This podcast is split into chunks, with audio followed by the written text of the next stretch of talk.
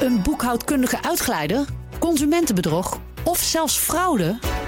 Heb je dit gezien of meegemaakt? Laat het ons weten via onderzoek.bnr.nl. Want de onderzoeksredactie van BNR stelt ook jouw kwestie op scherp. Onderzoek.bnr.nl. Altijd en overal alle BNR-podcasts. Download de gratis BNR-app.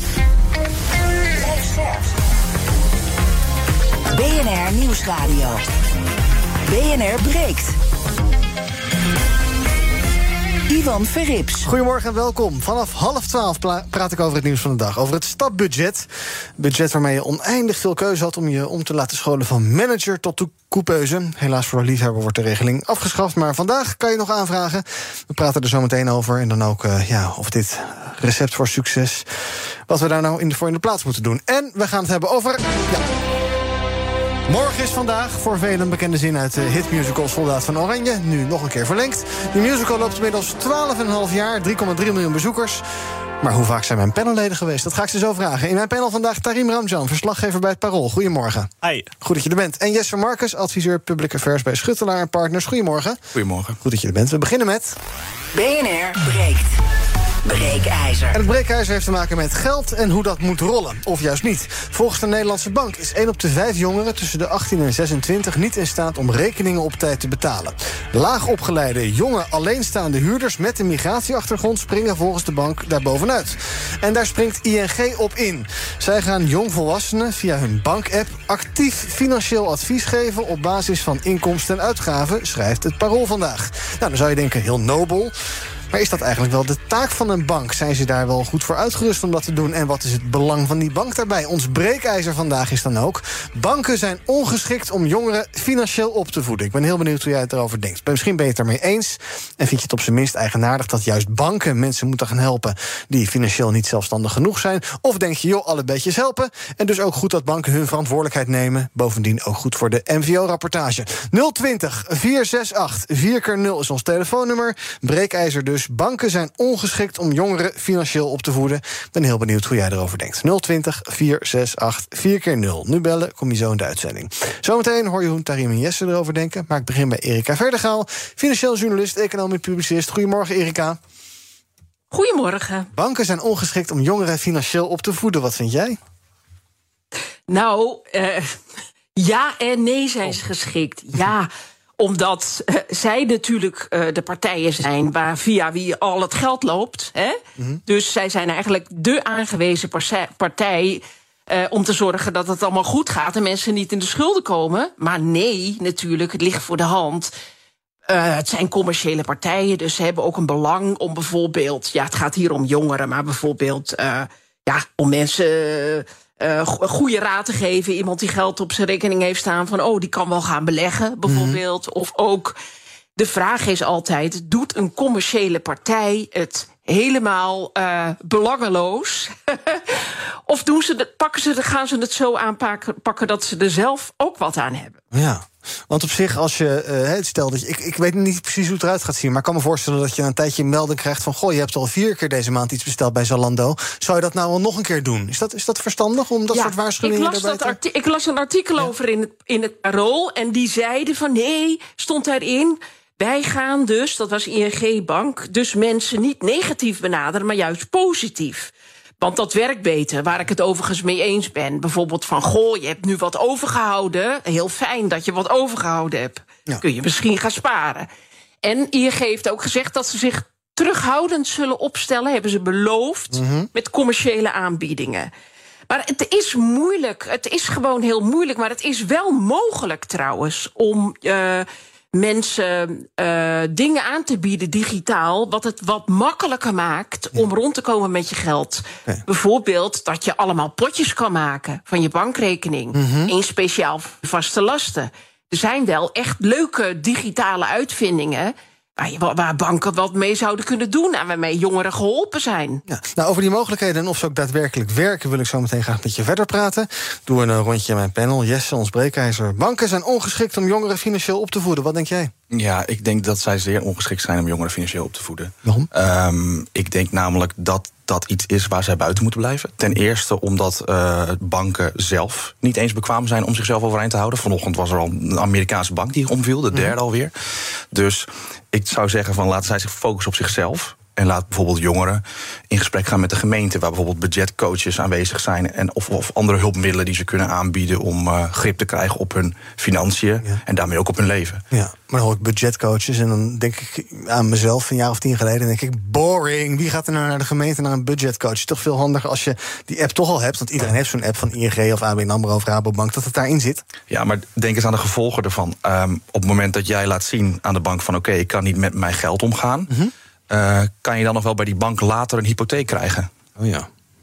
Dat zijn volgens mij gevolgen waar nu nog niet echt over na wordt gedacht. bij het op, op zichzelf staande nobele initiatief. Ja, dus dat is weer een beetje de vraag: wat doet de bank er zelf mee met ja. de gegevens? Ja, okay. ja, ja. Tarim, ben je ook uh, sceptisch? Nou, ik vind het niet gek dat er een rol voor de bank is weggelegd. Omdat je inderdaad er niet omheen kan in je latere leven. Dus je zult er vroeg of laat toch mee te maken hebben. Ik denk wel dat uh, de primaire verantwoordelijkheid die voor bij ouders ligt. Uh, en dat je ook moet beginnen met contant zakgeld als het gaat om opvoeding. Kijk, wat je ziet dat jongvolwassenen uh, minder makkelijk of minder goed met hun geld om kunnen gaan. komt natuurlijk ook omdat die zijn opgegroeid in een tijdperk waarin digitaal geld enorm in zwang raakt. Mm -hmm. Je kunt op heel veel plekken alleen nog maar pinnen. Ja. Uh, in de bus bijvoorbeeld ook, weet ik veel wat. Um, maar als je met contant geld leert omgaan als eerste, dan voel je ook echt dat je geld uitgeeft wanneer je dat doet. En dat is denk ik het belangrijkste om mee te beginnen. En dat, dat moet je niet aan een bank overlaten. Kan ook, denk ik niet. Nee, en, en je hebt minder gevoel bij digitaal geld dan bij gewoon gartaal geld dat in je hand zit. Ja, ik kan me, ik kan me goed voorstellen dat je digitaal geld gemakkelijker uitgeeft. Omdat het niet echt voelt als iets wat je uit handen geeft, letterlijk. Ja, Erika, dat lijkt me inderdaad een, uh, ja, misschien ook voor veel mensen wel een herkenbaar probleem. Ik bedoel, ja. Ja, daar is ook veel onderzoek ja. naar gedaan. En dat blijkt ook. Uh, kijk, bij digitaal geld voelen mensen geen betaalpijn. Je voelt niet echt dat je het uitgeeft. En dat is uh, gewoon digitaal geld heeft dat, maar nog erger is dat bij bijvoorbeeld creditcards of achteraf betalen. Mm -hmm. Dan heb je ook helemaal hebben mensen niet het gevoel dat het erg is. Maar het zijn allemaal leningen die je achteraf moet terugbetalen. En dat is heel erg nadelig. Maar die, ja, het zou heel goed mogelijk zijn en ook heel goed zijn als er digitale technieken komen, nou wat mij betreft door banken. Mm -hmm om toch je die betaalpijn te laten voelen. Ook al hebben we geen contant geld meer. Ja. Ja, ja, oké. Okay. Uh, dat kan bijvoorbeeld door, door je geld, ja, door sommige delen van je geld, dat je dat bijvoorbeeld uh, reserveert. Mm -hmm. Puur voor je vaste lasten.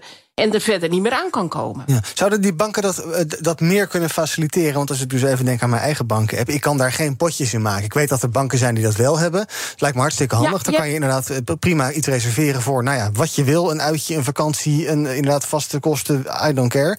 Uh, maar ja, als ik dat wil doen, moet ik gelijk een nieuwe bankrekening openen. Ja, dat is ook niet de bedoeling, toch? Ja, het is, het is nooit ideaal hoor. Want je hebt een aantal nieuwe mobiele banken. Hè, die zijn soms, soms zelfs gratis. Zoals N26 en Revolut en Bunk, die vraagt trouwens wel geld. En die doen daar heel veel aan, aan dat soort dingen.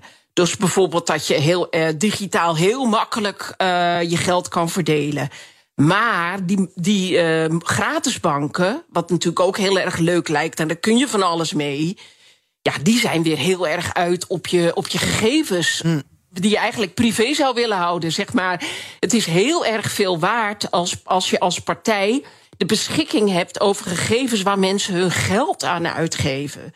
Dan kun je heel goed reclames bijvoorbeeld. Je kunt die gegevens verkopen en daar kunnen reclames op worden gebaseerd. Ja. Maar ik denk ook een beetje, uh, bijvoorbeeld, uh, bijvoorbeeld cryptomunten. Dat is zo'n ding waar dan veel jongeren in zitten. Die gaan natuurlijk die munten kopen met hun, uh, met hun, met hun betaalrekening. ja, en gaat je bank dan het vingertje omhoog houden en zeggen: Oh, je pas op, let op de risico's. Dat leest toch, nee, dat doet toch niemand nou, mee? dat denk ik dus niet. Dus oh. het blijft altijd een hele moeilijke combinatie. Wat eigenlijk het allerbeste is, maar ook dat is niet. Het is het allerbeste als ouders hun kinderen voor hun twaalfde financieel benul bijbrengen. Mm -hmm. En dat is dus een heel uh, moeilijke kwestie. Want als je als ouder dat al niet goed kan, kun je het ook niet aan je kinderen goed leren. Mm. Dus het blijft, dat is zo ontzettend moeilijk uh, om dat de wereld uit te krijgen. Maar het is wel heel belangrijk dat jonge mensen goed beter met hun geld omgaan. Ja, dus misschien moet toch ook. Kijk, de, uh, de Nederlandse bank heeft afspraken gemaakt met de grote banken. Dat ze beloven dat ze dit wat beter gaan doen. Maar in het algemeen is het, uh, zijn van die vrijblijvende afspraken niet afdoende. Nee. Dat is zelf een vorm van zelfregulering. En dat werkt eigenlijk in de commerciële sector nooit. Helemaal nooit. Marleen, goedemorgen. Ja, goedemorgen. Zeg het maar, ons breekijzer. Banken zijn ongeschikt om jongeren financieel op te voeden. Ik ben het niet eens met die stelling. Hm? Ik vind dat we geen en vooral partijen die de kennis hebben en die een bijdrage kunnen leveren aan dit probleem. Uh, ik zie wel zeker de risico's die al genoemd zijn, maar ik denk ook al dat we oplossingen beginnen te horen. Dus uh, ik zou zeker zeggen. Uh, laat vooral dit soort initiatieven uh, doorgaan. Mm -hmm. En laten we samen met andere partijen kijken hoe die een bijdrage kunnen leveren om de risico's te minimaliseren. Ja, dankjewel voor het bellen Marleen. Ons telefoonnummer 020 468 4 keer 0 als je wil reageren op het breekijzer. Banken zijn ongeschikt om jongeren financieel op te voeden. Uh, Jess, ik zat nog te denken, zou je misschien kunnen zeggen... Uh, we geven het, uh, het, het laat het Nibud daar een rol in spelen. Of je zegt dat je een derde partij, onafhankelijke partij... een stichting, desnoods iets wat je hiervoor opricht... dat je zegt nou, we geven die dan toegang tot die bank-app... zodat die iets kan doen, dat je, wat, ja, dat je die belangen een beetje gescheiden houdt. Ja, dat zou denk ik een hele goede oplossing zijn. Want dan scheid je inderdaad die belangen... en dan doe je iets wat, wat, wat, wat de laatste spreker ook zei... Hè, dan doe je iets met dat onderwijs. Mm -hmm. Het financieel wijzer maken van jonge mensen. Um, dat is volgens mij ook waar de oplossing uh, kan gaan liggen. Ja. Um, Erika, wat vind je van het argument dat uh, Jesse net aandroeg? Die zei, ja, die banken die zijn zelf eigenlijk ook niet zo goed met geld. Nou, ik moest inderdaad denken aan de First Republic Bank... vanochtend nog in het nieuws. Omgedonderd, wordt overgenomen door JP Morgan. Laatste tijd Silicon Valley Bank, Credit Suisse... ABN AMRO en de Volksbank zijn ook gered door de staat. Was natuurlijk ook niet omdat het zo goed ging daar. Het is misschien een beetje hoog over, maar ik snap de, de, emotie wel... dat je denkt, ja, uh, die banken kunnen zelf geen hun, hun broek omhoog houden... laat staan dat ze mij kunnen adviseren. Uh, nee, dat, lijkt, dat vind ik twee hele verschillende dingen. Ja, maar banken zijn natuurlijk commerciële instellingen. Dus ja, maar ze doen soms wel eens. Bijvoorbeeld, neem nou bijvoorbeeld. Ze doen soms wel eens wat leuks. Neem nou bijvoorbeeld uh, dat je iemand een. Uh, een betaalcode kan sturen. Of hoe heet het ook alweer? Die, dat doet iedereen. Zo'n tikkie. Ja, een tikkie. Ja. Dat, dat is door, ook door een bank bedacht. Ja. Nou ja, dat is best wel heel erg leuk. En ze kunnen. Uh, je kan nu. Ja, ik, vind, ik ben er dus niet per se op tegen. Maar je moet dus altijd wat je moet doen als je daar gebruik van gaat maken. De voorwaarden lezen. Ja. En ik zat ook nog te denken: kijk, die gro grote groep jonge mensen. die geen cent te makken heeft en altijd rood staat. Het kan best zijn dat de bank daar eigenlijk ook niet zo heel erg op zit te wachten. Wat mm -hmm. moet je nou met dat soort klanten? Dat zijn allemaal probleemklanten. Die op een gegeven moment. Uh, ja, waar je niet zoveel meer aan hebt. Dus erg, ergens kan ik me ook nog voorstellen dat het een bank misschien ook, als ze goed kijken, nog wel een klein belang zien in uh, het helpen van juist die categorie mensen om het iets beter te doen. Ja. ja. Daarin met alle uh, verleidingen in de wereld om ons heen, hoe zorg jij dat je een beetje uitkomt aan het einde van de maand? Nou, wat ik uh, een tijdje heb gehad, is die Grip-app van oh ja, ABN, die er ja. niet meer is. Maar die wel uh, deels in de ABN AMRO-app wordt geïntegreerd momenteel? Ja, precies. Dus ja. daarom kan ik hem niet meer gebruiken. Maar dat vond ik best wel prettig om, om echt inzage te krijgen in... Uh, oh, weer een drankje op het terras, dat telt op tot zo'n bedrag per maand, zeg maar. Mm -hmm. ik heb er zelf niet zo heel erg veel moeite mee. Ik heb het wel van kinds af aan ook geleerd om inderdaad geld opzij te zetten en te sparen. En dus inderdaad ook gewoon met contant geld. Um, wat ik nog wel wil zeggen, het idee van Jesse vind ik wel prikkelend om bijvoorbeeld de gemeente een rol te laten spelen. Maar wat ik me wel afvraag, als het gaat om kinderen van ouders die zelf al financieel niet echt geletterd zijn of opgevoed zijn. Ja. Die, die kunnen meestal ook niet zo'n gemeente bereiken, weet je wel. Die zijn daar heel huiverig voor, voor zo'n buurtteam of weet ik wat. In Amsterdam merken we dat veel uh, buurtteams doen heel goed werk. Maar die, die moeten echt heel veel tijd en moeite uh, investeren. Om mensen in te bereiken überhaupt. Ja, om ze te bereiken. Ja. Dus laat staan dat die mensen dan zelf nog naar een gemeente toestappen... met, met de vraag van, goh, kan ik mijn, uh, mijn kind bijvoorbeeld financieel opvoeden? Uh -huh. um, dus dat, dat vraag ik me wel af, van ja, hoe moet je dat dan doen? En dan kom je toch al snel weer op zo'n bank terecht... waar je toch mee te maken hebt. Ja, en hoe kan je dat dan doen, Erika, zonder dat iedereen gelijk denkt... ja, gadver, uh, opvoedadvies, uh, belerend vingertje, bekijk het lekker. Je moet mensen natuurlijk inderdaad ja, wel op een goede manier ver, verleiden dan of zo? Ja, het, weet je, het is eigenlijk heel moeilijk. Ik vind dat die banken best wat leuks kunnen doen. Mm -hmm. Ik geloof daar best in dat ze kleine dingen kunnen... met die vaste lasten, et cetera. Maar verder, als je dit echt wil aanpakken, dan denk ik ook dat je als overheid soms grenzen moet stellen. Bijvoorbeeld dat, acht, dat, dat je met allerlei mensen met weinig geld of met geen geld achteraf laat betalen en dan in de schulden laat belanden. En dan daar allemaal dure incassobureaus op kan afsturen. Eigenlijk moet je dat soort dingen ook echt eh, op een of andere manier een halt toeroepen, zodat bedrijven ook worden ontmoedigd om op die manier eh, jonge mensen uit te kleden. Ja, het is te verleidelijk. Dus, eh, dit is zo'n omvangrijk groot probleem. Mhm. Ik geloof best dat die banken kleine dingetjes kunnen doen. Maar daarmee ben je er trouwens nog helemaal niet. Nee. Er moet, de- ja, we zitten in een consumptiemaatschappij. Wij draaien op, op dat mensen zoveel mogelijk geld uitgeven. En daar, daar komen die problemen van. Het vereist eigenlijk een hele andere manier van denken en toch ook grenzen stellen. Wil je dit probleem, wat al tientallen jaren bestaat en alleen maar erger wordt, voorkomen? Beatrice, goedemorgen. Goedemorgen. Ons breekijzer. Ehm, ik heb Banken zijn idee- ongeschikt om jongeren financieel op te voeden. Dat, dat sowieso. Maar ik heb wel een goed idee wat ze, hoe ze kunnen helpen. En dan kunnen ze ook volwassenen helpen. Als bijvoorbeeld een bank op jouw app duidelijk laat zien hoeveel geld er nog in zit, door bijvoorbeeld een grafiek te laten zien. En in het geval van kinderen bijvoorbeeld een eh, spaarvarken waarop je het niveau ziet dalen. Dan denk ik dat we al een heel stuk op weg zijn. En dat de banken op die manier, zonder zich met de individu te bemoeien, toch een bijdrage kunnen leveren. Ja, dus maak het visueler, zeg jij. Ja, maak het veel visueler. Want ik geef ook geld uit. En dan denk ik, ja, geen idee wat, het eigenlijk, eh, wat er nog staat. Ja. Dat kan ik niet in één oogopslag zien als ik iets uitgeef. Nee, dus toegankelijkheid van informatie. Dankjewel voor het bellen. Arend, goedemorgen. Ja, goedemorgen. Zeg het maar. Ehm, even kijken, ik ben het eh, eens met jullie stelling dat Ja. banken niet, niet geschikt zijn om eh, onze jeugd op te voeden. En dat komt omdat ik vind, het is een feit, banken zijn bedrijven en eh, daar is één risico is al eh, aangehaald dat zij soms zelf niet in staat zijn om hun eigen boek op te houden. Maar daarnaast, een bank heeft aandeelhouders die zij tevreden moet stellen. Het zijn geen filantropische instellingen. En zij zullen dus altijd een, een twee dagen op de achtergrond bijhouden die het voor hun interessant maakt om deze service aan te leveren, zogenaamd, aan de goede gemeente. Ja, dus niet doen, zeg jij. De verre van, zeker niet. Dankjewel voor het bellen, Arend. BNR breekt. Ivan Verrips. Met in mijn panel vandaag Jesse Marcus, adviseur Public Affairs bij Schuttelaar en partners. Tarim Ramjan, verslaggever bij het Parool. Ook bij me is Erika Verdergaal, ze is financieel journalist. En we praten over ons breekijzer. Banken zijn ongeschikt om jongeren financieel op te voeden. 020 468 4 keer 0 is ons telefoonnummer. Als je wil reageren, moet je wel nu bellen. Kom je zo meteen nog even in de uitzending over een paar minuutjes. 020 468 4 keer 0 Erika, we hebben natuurlijk ook, ja, eh, 20, 30 jaar geleden was dat nog helemaal geen ding, banken-apps. Eh, nu wel, nu kan iedereen direct bij zijn geld en daar van alles en nog wat mee doen. Eh, uit dat onderzoek blijkt ook, bijvoorbeeld van eh Nibud, dat een derde van de jongeren eh, graag wil beleggen. Een kwart actief is met crypto.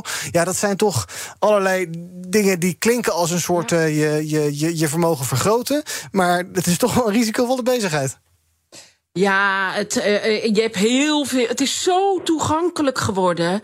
Met één druk op de knop zit je in, in, in de crypto, in de beleggingen. En ja, iedereen wil rijk worden. Jonge mensen vinden dat eigenlijk heel normaal. Ik vind het helemaal niet normaal. Zeker niet als je geen geld hebt, moet je niet gaan beleggen. Dan moet je gewoon je schulden afbetalen, natuurlijk. Ja. Het is heel erg verleidelijk. Ja. ja ik.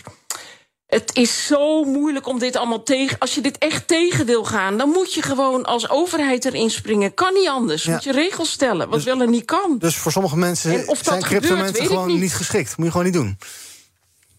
Nou ja, ik ben heel erg tegen crypto's. Mhm. Want volgens mij is het gewoon, gaat het helemaal nergens over. En gaat het uiteindelijk ook gewoon verdwijnen. Dus kun je nog beter beleggen in aandelen, denk ik. Dat zijn nog echte bedrijven. Ja. Maar ook dat.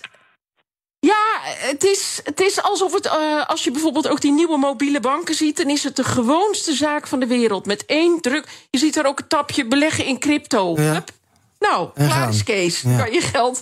Ja, zo makkelijk is het. Ja, En, maar ja, eh, be- besparen is heel saai, Erika. Ja, eh, dan zet je het weg en dan komt er iets bij je. ja, de hele eh, geldzaken vinden me. Maar wat ik bijvoorbeeld wel zou vinden dat echt aan banden gelegd moet worden, is achteraf betalen en de gevolgen daarvan. Want daar komen, komen jonge mensen enorm mee in de problemen. ja. Ben je een beetje een spaarder, eh, Jesse? Nou, ik probeer wel te sparen, ja. Ja, ik probeer dat elke dan? maand wel iets Of af, zie je dan, te leggen. Of zie je dan die spaarrekening langzaam groeien en denk je... oh jee, daarvan kan ik ook naar New York... en daarvan kan ik ook allemaal leuke kleding kopen. En misschien wel... eh, Of ben je wel... Nou, ik, laten we zo zeggen, ik ben wel blij dat vakantiegeld weer aankomt. maar eh, nee, ik probeer daar wel rekening mee te houden. Ja. Maar ik, op zich wel een interessant punt wat Erik maakt. Want zij geeft hier nu zelf aan dat de overheid de oplossing is. Mhm. En alle oplossingen die genoemd worden, hè, het reguleren van crypto, achteraf betalen, gemeente, onder, onderwijs, Mhm. financieel wijzer worden. Dus er ligt allemaal een rol voor de overheid. Dus volgens mij geeft dat al antwoord op de vraag: zijn banken geschikt om dit te doen? Ja, dus ja, ja, antwoord nee. Laat die overheid daar daarbij helpen. Eh, het zou misschien ook goed zijn als eh, eh, ja, soms geld ook gewoon uit je zicht is. Ja, zeker. zeker. Daar, ik, dat is wel een oplossing die ik ook heb. Ik, heb, ik heb ook een, een ja, ik heb Triodos en ASN. Oh. Zodat ik dan enigszins dingen kan reguleren en Ja. kan scheiden. Ja, dat je en niet met de verkeerde pas op stap gaan. Ja, zeg maar. nee, dat is een herkenbaar systeem. Wally, goedemorgen. Wally? Ja, goedemorgen. Zeg het maar. Ehm, ik eh, ben het met stelling eens. Om- vooral omdat ik eh, zelf met etnische achtergrond eh, volledig opgegroeid ben binnen het systeem van, ja, eigenlijk, als je het eigenlijk plus 5 en min 5 moet, eh, moet houden, dan ben ik in min 5 begonnen totdat je op een gegeven moment op plus 1 en 2 komt.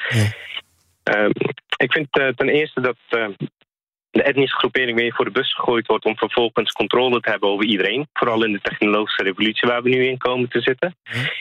Eh, ten tweede is het zo dat het niet aan de banken nog aan de overheid is om eh, dit op te lossen.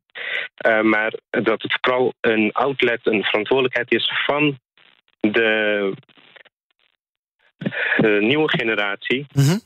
eh, met maatschappelijke doeleinden om dit op te nemen in hun programma. Om jongeren te leren hoe ze moeten vissen. In plaats van iedere keer een vis te geven. En voor mij is dit eh, toch weer een oplossing van een bank die je vis geeft en een beetje ja, je honger steelt voor de volgende dag. Ja, en daar moeten we dus mee oppassen. Dankjewel voor het bellen. Maak jij je zorgen, Tarim, om de commerciële motieven van de bank? Dat zij eh, ja, uiteindelijk natuurlijk ook producten te verkopen hebben. En als jij een beetje fatsoenlijk met je geld omgaat... nou, dan wil je misschien wel gaan beleggen via die bank... of dan eh, wil je nog andere producten bij ze afnemen. Nou, toen ik dit voor het eerst las vanochtend, toen dacht ik wel van, hmm, oké, het, het, je voelt wel een beetje intuïtief aan. Het wordt heel mooi verpakt, maar bij een bank denk ik wel altijd van, oké, maar wat voor belang zit er dan ook nog achter? Eh, ik denk dat je wel die vraagtekens er al bij moet plaatsen. Mhm. En ja, wat net ook werd gezegd, sommige mensen moet je ook gewoon echt in bescherming nemen tegen zichzelf. Zeker als het gaat om crypto. Ik heb gezien bij eh, eh, eh, kennissen, je hebt die app Bitfavo, dat is bijna makkelijker in gebruik dan de ING-app. Ja. Uh, Wordt er volop reclame voor gemaakt? Er wordt volop reclame voor gemaakt en uh, iedereen heeft erover. En uh, ik heb er ook wel eens op rondgekeken, gewoon uit nieuwsgierigheid. Ja. En ik dacht ook van jeetje, is wel heel makkelijk. Ja. Zeker met al die volatiele koersen. Ja, je moet daar mensen wel in begeleiden. Wat de vorige beller zei, ik snap wel dat hij zegt van... nou ja, oké, okay, het is iets wat de mensen hun eigen verantwoordelijkheid is. En mensen binnen die, die generatie. Mhm. Mm -hmm. Maar ja, die kennis komt ook niet uit het niets. Je moet daar wel mensen in helpen. Of de bank daar de aangewezen persoon in is, dat, dat denk ik niet. Maar ik snap wel dat je niet omheen kan. Ja. Oké, okay, Erika, tot slot. Ook op onze Instagram-pagina is 90% het eens met de stelling... banken zijn ongeschikt om jongeren financieel op te voeden. Het moet dus echt een okay. uh, ja, uh, uh, private publieke samenwerking worden... waarbij de staat wat jou betreft een grote rol speelt... maar ook onderwijs, ouders enzovoorts. Ehm, kan je, ja, nou, het is misschien een beetje veel gevraagd... maar even drie tips waarvan we zeggen... daar kunnen we nou gelijk mee aan de slag. Dat is dus, nou, zeg het maar. Ouders moeten kinderen onder de 12 leren om de bevrediging van hun behoeftes uit te stellen. Ja. Dus niet meteen nu een ijsje. Dat mm -hmm. begint al bij nul. Dat is nummer één. Ten tweede, ik hoorde net eigenlijk een leuke tip die een beetje overvleugeld werd. Kijk, er zijn jonge mensen zijn heel erg bezig met het milieu. Er zijn actiegroepen voor. Misschien moet er ook eens een actiegroep komen. Mensen opstaan onder jonge mensen om te zeggen van wij gaan voorkomen dat andere jonge mensen schulden hebben. Mm -hmm. We gaan daarvoor strijden. Dat vind ik leuker. Een derde, ik vind eigenlijk achteraf betalen en alle, al die hoge rentes die erop zitten en uh, dure incassobureaus voor van alles, ook voor overheidsschulden. Daar moet de overheid echt wat aan doen. Want je mag niet zomaar mensen in de problemen laten komen. Erika Nou, heb je de drie. Ja, ik vond eh, ik, be- bewondering hoe je die uit je mouw schudde. Dankjewel, Erika Verdegaal, financieel journalist, econoom en publicist. En graag tot de volgende keer. Ik zei het al, 90% op onze Instagram-pagina is het eens met de stelling... banken zijn ongeschikt om jongeren financieel op te voeden. Daar kan je nog de hele dag reageren. Op de radio gaan we verder met het eh, nieuws van de dag. We gaan het hebben over het stapbudget zometeen. Want als je stap zegt, dan zeg je inderdaad gedoe. Heel lang in de wachtrij staan om dan vervolgens geen geld te krijgen. Nou, stap gaat verdwijnen, maar wat moet daar dan voor in de plaats komen? En eh, van taken van werknemers nam de afgelopen jaren eigenlijk nauwelijks toe. Ondanks de krapte op de arbeidsmarkt. Is dat dus goed nieuws of slecht nieuws? Want gaan we gewoon lekker menselijk blijven met elkaar. Waardoor komt het eigenlijk? Wat kunnen we verder weg automatiseren? Gaan we allemaal zo meteen bespreken. In het tweede deel van BNR Breek. Tot zo. BNR Nieuwsradio. BNR breekt. Ivan Verrips. Welkom terug. In mijn panel vandaag Tarim Ramjan, verslaggever bij het Parool... en Jesse Marcus, adviseur Public Affairs bij Schuttelaar en Partners. En we gaan praten over het nieuws van de dag. Te beginnen met het stapbudget. Vandaag is er weer een eh, nieuw tijdvak aangevangen. eh 10 uur deze ochtend, waarin mensen dus eh, 1000 euro stapbudget kunnen aanvragen. Er is voor deze nieuwe pot 32 miljoen beschikbaar. Gedeeld door 1000 is dus inderdaad 32.000 mensen... die 1000 euro kunnen krijgen om een opleiding te volgen. Alleen het is wel een van de laatste keren. Binnenkort, volgend jaar, gaat namelijk het stapbudget verdwijnen. Ehm, eh, en ja, de eh, verantwoordelijke minister van Gennep zegt ook... we gaan wel kijken naar ja, een alternatief hiervoor... want mensen moeten zich wel kunnen blijven ontwikkelen. Dat is noodzakelijk, zeker in verband met de krapte op de arbeidsmarkt. Hoe dat moet, dat gaan we dus binnenkort uitvogelen. Maar nu dus nog wel een stapbudget. De regeling eh, is nog open, geloof ik. Ik sta zelf in de wachtrij, ik moet nog 28 minuten. Claudia Den Heijer is medeoprichter van stapbudget.nl... en die baalt flink van het opheffen van, dat, van die regeling. En de regeling had veel, heeft veel voordelen. De doelgroep eh, tot en met MBO 4 hè, wordt eindelijk bereikt met eh, deze regeling. En dat bleek met eerdere regelingen heel eh, lastig om die doelgroep te bereiken. Dus ja, dat is wel een heel mooie prestatie van deze regeling. En er is heel veel animo voor. Ja, heel veel animo voor, maar het kostte ook geld en er was geld nodig. En dus schrappen we dat. Schrapstap.nl zou je ook kunnen beginnen. Eh, ja, is, het, eh, is dit nou verstandig of niet? Het was wel, eh, Jesse, een recept voor ongeluk dit. Want je hebt dus elk, elke drie maanden had je dan nou, tienduizenden mensen die daar in de wachtrij stonden. Anderhalf, twee uur. Als je even uitrekent hoeveel daarmee verloren gaat. Maar oké, dat terzijde. Eh was dit nou de meest handige manier om opleidingsbudgetten te verdelen van de staat? Ook een soort loterij? Nou, de- ja, dat, dat is inderdaad een zorgpunt. Maar volgens mij was een van de eerdere zorgpunten bij de eerdere openingen was vooral dat er heel veel zinloze opleidingen werden aangeboden. En die vooral ook heel erg duur wer- werden gemaakt vlak van tevoren. Ja, die waren Dus net iets meer dan 1000 euro meestal. Ja, ja, precies. En die waren daarvoor 600 euro. Ja. En, en, en die werden daar vlak daarvoor, vlak daarvoor, voor het open ging, werden ze heel erg duur gemaakt. Waardoor er nou, ja, heel veel geld ging naar grote partijen zoals LOE en noem het allemaal maar op. Ehm, en ja, volgens mij is die kritiek wel terecht gebleken. Dat ze denken van oké, ja, ehm, het werkt misschien niet. Eh, want het, als principe erachter is natuurlijk een leven lang leren. En volgens het leven lang leren principe zorg je ook dat nou ja, degene die wordt opgeleid ook aansluit op de arbeidsmarkt. Nou ja, als er dan heel veel zinloze en dure opleidingen worden aangeboden, ja, dan gaat het principe erachter mank. Ja, maar het idee was nu, nu natuurlijk ook van het eh, eh, opleiden en het ontwikkelen is losgetrokken van de werkgever. Dus je mag zelf bepalen wat je gaat doen. Hè, dat niet je baas zegt van nou moet je dat nou wel doen, is dat nou wel zo relevant voor jou? Nee, dat ga je zelf bepalen. Dat idee was op zich best mooi, met als risico dat je dus een opleiding kiest voor een eh, beroepsveld waar helemaal geen vraag naar is. Ja, ja holistisch tuinieren of iets dergelijks wat dan naar voren komt. Ja. In Parijs. Ja, ja, ik, ik, zou, ik, ja ik zou wel zeggen van oké, maar daar kan de overheid wel wat aan doen. Ja. Zo eh, bijvoorbeeld prijsstijgingen. Sturen. Ja, prijsstijging kun je gewoon zien in het programma. En daar kun je dan eventueel wat aan doen. Zinloze opleidingen is dan wel wat lastiger inderdaad. Want dan, dan veegt het hele principe van tafel. Mhm. Maar die dure opleidingen, daar hadden ze wel in- over in gesprek kunnen gaan met de branche. En dan had je dit nog wel kunnen aanbieden. Ja, op zich is geloof ik ook het stapbudget één keer een periode overgeslagen. Zodat ze een beetje nou ja, wat orde op zaken konden stellen. Want er waren inderdaad de raarste dingen te boeken.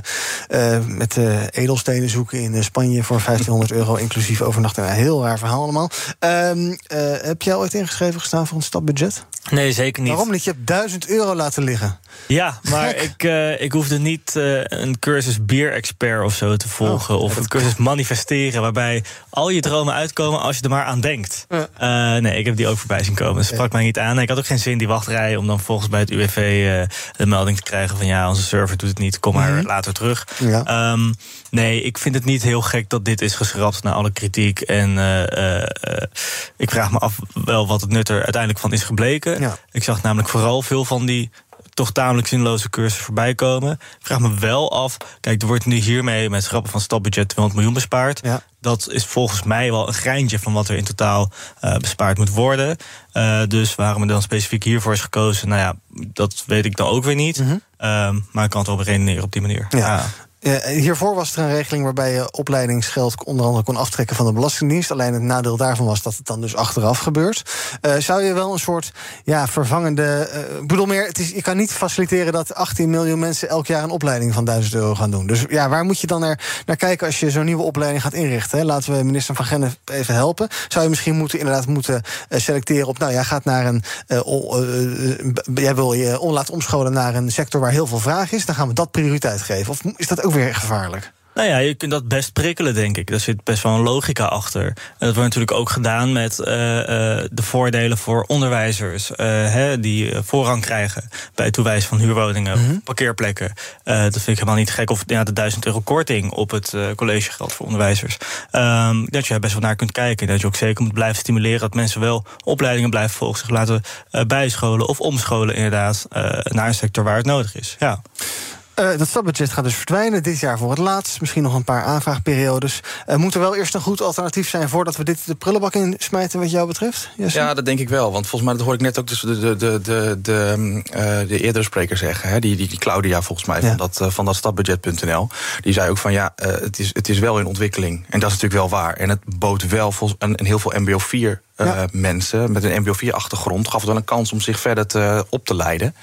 Um, en dat is natuurlijk wel iets unieks. Dat ja. is wel voor het eerst dat die groep mensen wordt bereikt. Ja. En het, is, ja, het zou wel zonde zijn als je dit dan helemaal schrapt, dan volgens die groep niet meer weet te bereiken met ja, welke manier dan ook. Ja. En in die regeling dan misschien dat rare uh, uh, loterij-effect er ook uithalen, toch? Ja. Want het is toch een beetje gek ja. dat je nu allemaal ja. om tien uur in de rij gaat staan. Dan krijg je een random plekje in een wachtrij toebedeeld. En dan kan je daarna vanzelf zien of je 1000 euro krijgt of niet. Prioriteer dan op desnoods wie het eerst komt, wie het eerst maalt. Of, uh, want dat is het nu ook niet dus. Of, nee, kijk, lood is ergens wel het eerlijkst natuurlijk. Mm -hmm, als zeker als je met zo'n heterogene groep mensen te maken hebt... die allemaal andere dingen willen en alle achtergronden, alle andere achtergronden hebben. Maar ik denk dat het nuttiger is, ook als overheid om te kijken van oké, okay, waar hebben mensen nodig? Waar willen mensen naartoe bewegen? Uh, en daar dan een prikkel voor in te zetten. Er staat er nog 21 minuten moeten in de wachtrij. Nou, ik ben heel benieuwd of het nog gaat gebeuren. Tijdens, tijdens deze uitzending wellicht. Um, dan gaan we naar ander nieuws van vandaag. De automatisering nam de afgelopen jaren nauwelijks toe... ondanks de krappe arbeidsmarkt. Concluderen de, uh, het internationale Future of Jobs Report... van het World Economic Forum. Uit het onderzoek blijkt dat uh, bij de gevraagde bedrijven... op dit moment 34% van de taken op het werk is geautomatiseerd. En bij het vorige rapport, dat was drie jaar geleden... was dat 33%. Dus het proces gaat uh, vrij langzaam. Er is 1% puntje bijgekomen. Ja, uh, automatiseren. Uh, er is natuurlijk uh, heel veel vraag naar werk, weten we nog steeds, op dit moment ook. moeten we daar moeten we meer proberen, meer menselijk werk proberen weg te bezuinigen? Denk jij, Jesse?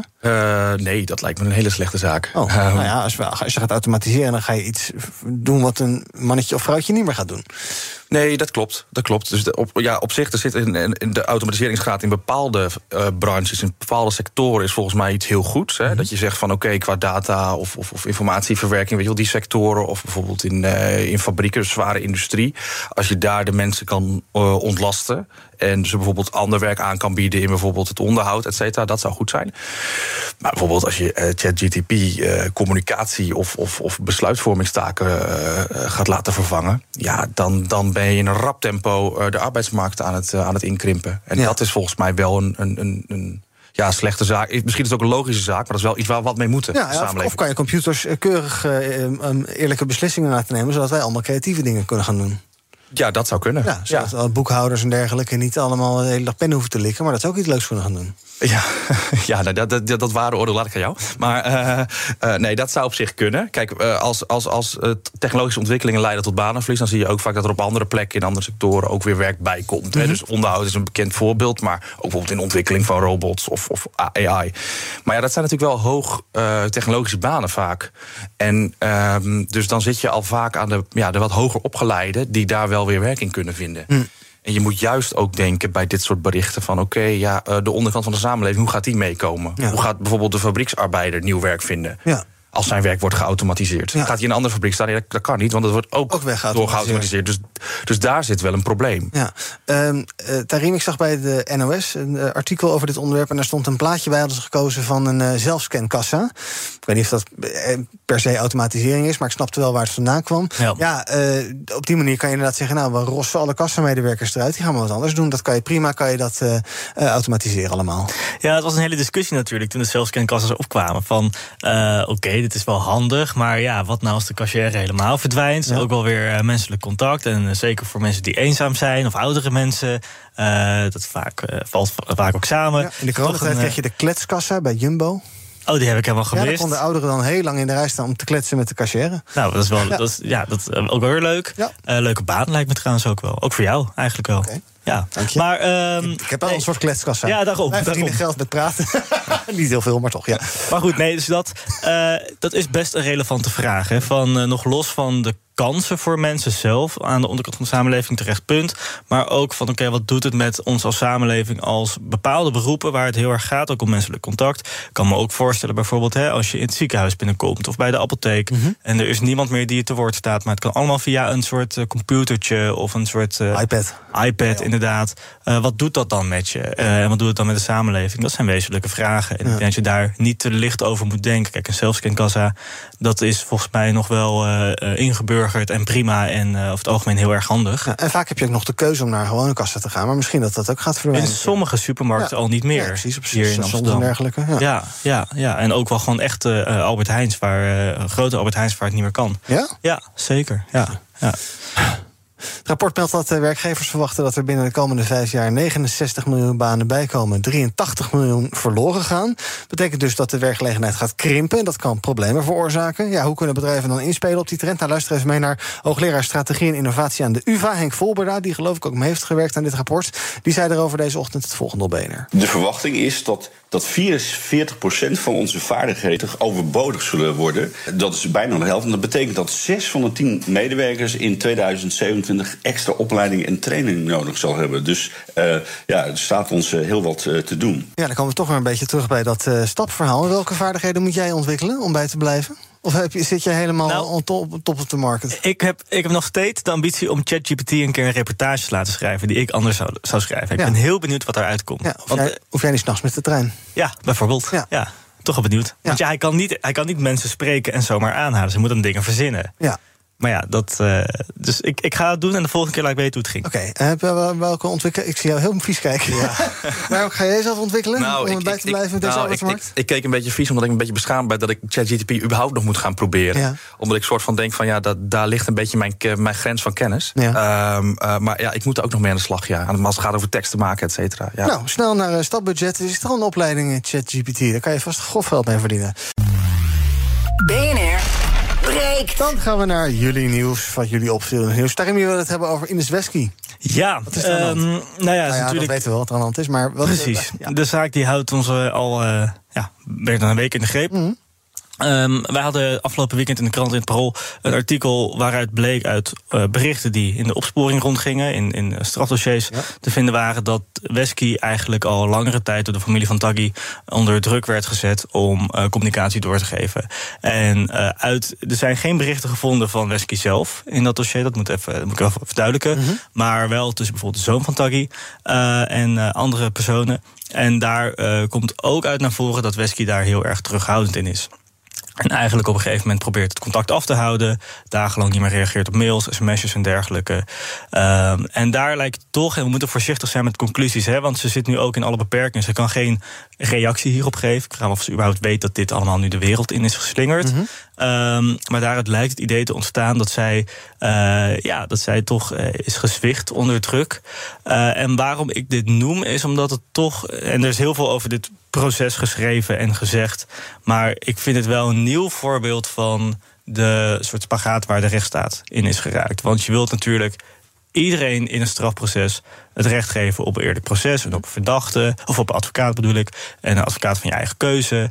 Ik bedoel, als jij opeens nu wordt opgepakt, dan word je dat ook natuurlijk. Um, dus dat heb je aan de ene kant. Maar aan de andere kant merk je ook dat je de veiligheid moet garanderen van iedereen die ermee te maken heeft. Dus ook die advocaat en ook diens familie. Uh, ook de rechters en de OVJ's van al een hele tijd niet meer de namen bekend worden gemaakt. Om duidelijke redenen, hè, na alle uh, moorden die zijn gepleegd. En ik vraag me oprecht wel af of we daar uitkomen uit die spagaat. Want je zult op de een of andere manier daar wel een keuze in moeten maken. Ja, of je loopt het risico dat dit proces gewoon voort blijft sluimeren. Terwijl men eigenlijk al heel ver was. Er moet eigenlijk nu vooral uitspraak worden gedaan. Dat gebeurt op 20 oktober. Uh, dan kan nog eventueel een hoger beroep komen, weet ik veel wat. Maar dat, dat viel mij vooral op aan het artikel. Dat ik dacht, oké, de onthulling op zichzelf is boeiend zat. Mm -hmm. Maar wat betekent dit nou eigenlijk voor uh, ja, een, een rechtsstaat zoals ja. we die hebben? Wat heel mooi klinkt en over het algemeen heel goed functioneert. Maar hij wordt nu wel flink op de proef gesteld. Ja, want nog even over dat artikel. Daarvan was de kop... de familie van Taghi bleef Ines Wesky bestoken... als doorgeefluik voor berichten. Ja. Maar dat zegt natuurlijk niet inderdaad over wat zij gedaan heeft. En het OM dat, ja, zal toch wel een uh, goede zaak moeten hebben... wil je een advocaat gaan vastzetten. En, ja, het is inderdaad wel echt een grove uh, beschuldiging ook. Hè? Deelname aan een criminele organisatie. Um, inderdaad, kijk, er zijn geen appjes gevonden van haarzelf. Uh, maar je kunt opmaken uit de communicatie. Ik ben even mee aan het kijken. Ja. Dat uh, ja, zij ook wel met tegenzin op een gegeven moment gevraagd werd om, om berichten door te geven. Mm -hmm. Hier bijvoorbeeld een bericht van de zoon van Taggy naar een zus van Taggy, uh, twee jaar geleden ongeveer. Advo, dat is dan Wesky, is vreemd bezig. Geen één keer gemaild sinds ze voor het laatst langs ging bij Ridwan Taggy. Ja. Normaal mailt ze elke paar dagen. Dus je merkt in die berichten wel dat ze afstand neemt. Ja. Um, en dat, dat, daar zijn meerdere van zulke appjes gevonden. Ja. Nogmaals, je moet dat Um, het, het, blijven vooral op dit moment suggesties. Um, ook al hebben we die berichten, want Wesky kan geen uh, wederhoor nee. bieden natuurlijk. Maar het, uh, het lijkt wel ergens naartoe te duiden. Ja. Ja. Eind vorige week in NRC een soort oproep uh, met de kop... arrestatie Wesky toont precaire positie strafadvocaten. De advocatuur zint op maatregelen om advocaten beter te beschermen. Soms ook tegen hun cliënten. Ja, dat je ook misschien op een goede manier kan melden van hier is iets aan de hand. Uh, zonder dat je daarbij ook gelijk zelf verdacht wordt gemaakt. Daar, daar zit ook wel iets in, denk ik. Ja, maar dat is dus weer heel gek. Want bij wie moet je het dan melden? Bij ja. de politie of bij het OM? ja, dat ja. kan. Ja, misschien de deken dan. Want politie en OM zijn natuurlijk weer jouw tegenstander ja. in het proces. Dus je wilt natuurlijk niet hen een soort van informatie doorspelen die jouw verdacht, die jouw cliënt weer in gevaar brengt. Ja, de deken zou inderdaad kunnen. Uh, maar ja, wat, wat gebeurt er dan als dat weer naar buiten komt? Heeft het dan toch implicaties voor jouw eigen veiligheid of dat van je familie? Dus het is echt, echt een hele moeilijke. Het, een beetje een systeemcrash, zou ik ja, willen zeggen. Ja. Nou, we gaan zien waar het OM mee komt. Want dat belooft toch wel veel. En wat, wat wel interessant is, al die uh, gelekte uh, communicatie van die jongens die die dure cryptotelefoons hadden, dachten ja. dat ze daarmee veilig communiceerden. Al die appjes die gehackt zijn, wat we daarvan leren. Ja. is echt fascinerend. Ik zou Zeker. zeggen, gebruik gewoon, als je dat al doet, gewoon WhatsApp. Dat is gratis en beter beveiligd. Yes, jij wil het hebben over een uh, artikel in de Volkskrant. En dat heeft te maken met klimaatmaatregelen. Ja, uh, een interessant artikel. Uh, dat heet Met vergezichten moet het klimaatpakket de polarisatie temperen. Afgelopen woensdag kwam natuurlijk het uh, klimaatpakket van, van minister Rob Jette uit. Ja. Er zitten 122 maatregelen in en ongeveer nou, dikke 25 miljard euro aan subsidie. Um, hij noemde dat heel mooi de eerste nationale klimaatpersconferentie. Hm. En Um, wat opvalt is dat na stikstof, na landbouw, noem het allemaal maar op, dat de polarisatie ook op het klimaatbeleid heel erg aan het toenemen is. Hè. Dus je, je, hebt de bedrijven die worden, nou ja, volgens veel mensen ontzien. Ja. En de gewone en de, de, de, mensen, de rijke Tesla-rijders worden gesubsidieerd. Nou ja, daar zou dit, dit, dit klimaatpakket zou daar een eerste antwoord op moeten zijn. Hè. Dus, dus er werd gerept over klimaatrechtvaardigheid. Uh, er werden ma maatregelen voorgesteld om energiearmoede tegen te gaan. Dus in nou ja, bepaalde wijken waar, waar, waar het inkomen wat minder hoog is, wordt meer gedaan aan subsidies om uh, meer zonnepanelen te doen. Maar wat blijkt nou als je die 120, 122 maatregelen uit gaat zitten pluizen? Dan zie je gewoon dat um, de rekening komt wel meer te liggen bij de industrie. Dus dat is volgens mij wel positief. Mm -hmm. Er wordt dus wel meer gaan aan, aan, aan zonnepanelen en die subsidies op huurhuizen. Maar in dat hele pakket wordt niet gerept over de luchtvaart. Er worden, er worden geen maatregelen voor genomen. Uh, ook de landbouw wordt ontzien. Ja. Nou, dat, dat, dat, daar zou je nog voor kunnen zeggen... oké, okay, maar er komt een landbouwakkoord aan... waar minister Adema mee bezig is. Dus laten we dat even afwachten. Ja. Maar goed, ja, dat zijn natuurlijk wel twee hele vervuilende sectoren. Hè, die landbouw en die, en die luchtvaart. En die blijven buiten schot. Mm -hmm. en, en dat is volgens mij een, een, een gemiste kans om iets te doen aan uh, het klimaatbeleid. En de achterliggend dus aan die polarisatie die er op dit onderwerp heerst. Want zo krijgen we dus weer nou ja, grote verdeeldheid. En zie je dat die maatregelen niet, uh, niet, uh, niet, niet, niet, niet effectief worden genomen. Nee, nou, maar Jette ziet uh, de tractoren al aankomen bij zijn ministerie. Ja, ik snap dat hij moeilijke beslissingen uit de weg gaat. Uh, maar goed, ja, dat, dat is niet waar de politiek voor is. Uh, en bij dat landbouwakkoord, waar, waar, die dan, uh, ja, waar, waar dan wordt verwezen van... oké, okay, maar daar moeten we afwachten... ja, dan loopt de een naar de andere partij weg. Ja. Dus, dus, dus dat is ook geen heilzaam iets. En, en dus jij vindt die klimaatrechtvaardigheid nog. Mm, dat kan beter? Dat kan veel beter, ja zeker. Vooral als je het hebt over van een pot van, uh, van 28 miljard euro. Ja, dat is een heleboel geld. Als je het hebt over, nou ja, je wil een lange termijnvisie schetsen. Nou, je wil meer de industrie belasten. Oké, okay, dan kijk je ook naar andere sectoren waar iets te halen valt. Of mm -hmm. waar maatregelen te nemen vallen. En dat, ja, dat blijkt gewoon niet. De luchtvaart ja, blijft gewoon compleet buitenschot. Ja. Is jouw indruk wel dat, eh, want dat heeft Jette ook heel vaak gezegd, iedereen moet het kunnen meemaken. Dus uh, uh, ja, arme mensen. Het is niet zo dat vanaf nu alleen maar dan rijke mensen mogen vliegen, met de auto mogen enzovoort. Gaat, gaat dat wel op een eerlijke manier? Want dat lijkt me heel moeilijk om dat goed te regelen. Dat je dat op een rechtvaardige manier doet, ook naar particulieren onderling. Ja, volgens mij kan dat heel goed. Je kan bijvoorbeeld een uh, ticket, ticketbelasting verhogen op lange afstandsvluchten. Ja. Uh, veel, veel, veel mensen, uh, dit, waar, waar wij hebben gaan, bijvoorbeeld naar Antalya of naar, naar Spanje. Ja. Nou ja, daar kan je bijvoorbeeld een iets lagere toeslag op doen dan bijvoorbeeld op lange, lange afstandsvluchten naar Amerika. Ja. Daar zou je gewoon een verschil in aan kunnen brengen. En dat merk je dan dus ook, dat differentieert ook wel op een eerlijke manier. Ja, ja zeker. Ja, je kan gewoon eerlijke Hm. klimaatmaatregelen nemen die, die evenredig boven alle groepen worden verdeeld. Nou, maar zien wat de gevolgen daarvan zijn. We gaan dan kijken wat er trending is op de socials. Ja, gisteren in de Kuip, na een lange wedstrijd, won PSV van Ajax na een strafschoppenreeks. Fabio Silva!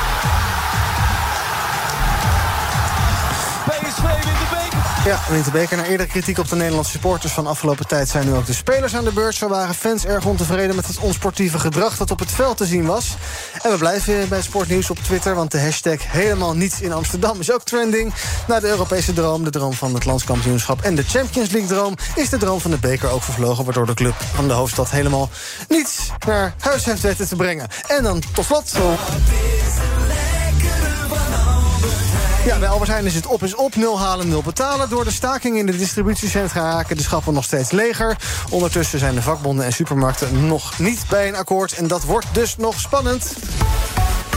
Zag geloof ik vanochtend nog voorbij komen tijdens deze uitzending... dat Albert Heijn inmiddels alweer om tafel wil... maar dat er bij FNV wat terughoudendheid is. Uh, ja, FNV ziet het aantal stakers toenemen...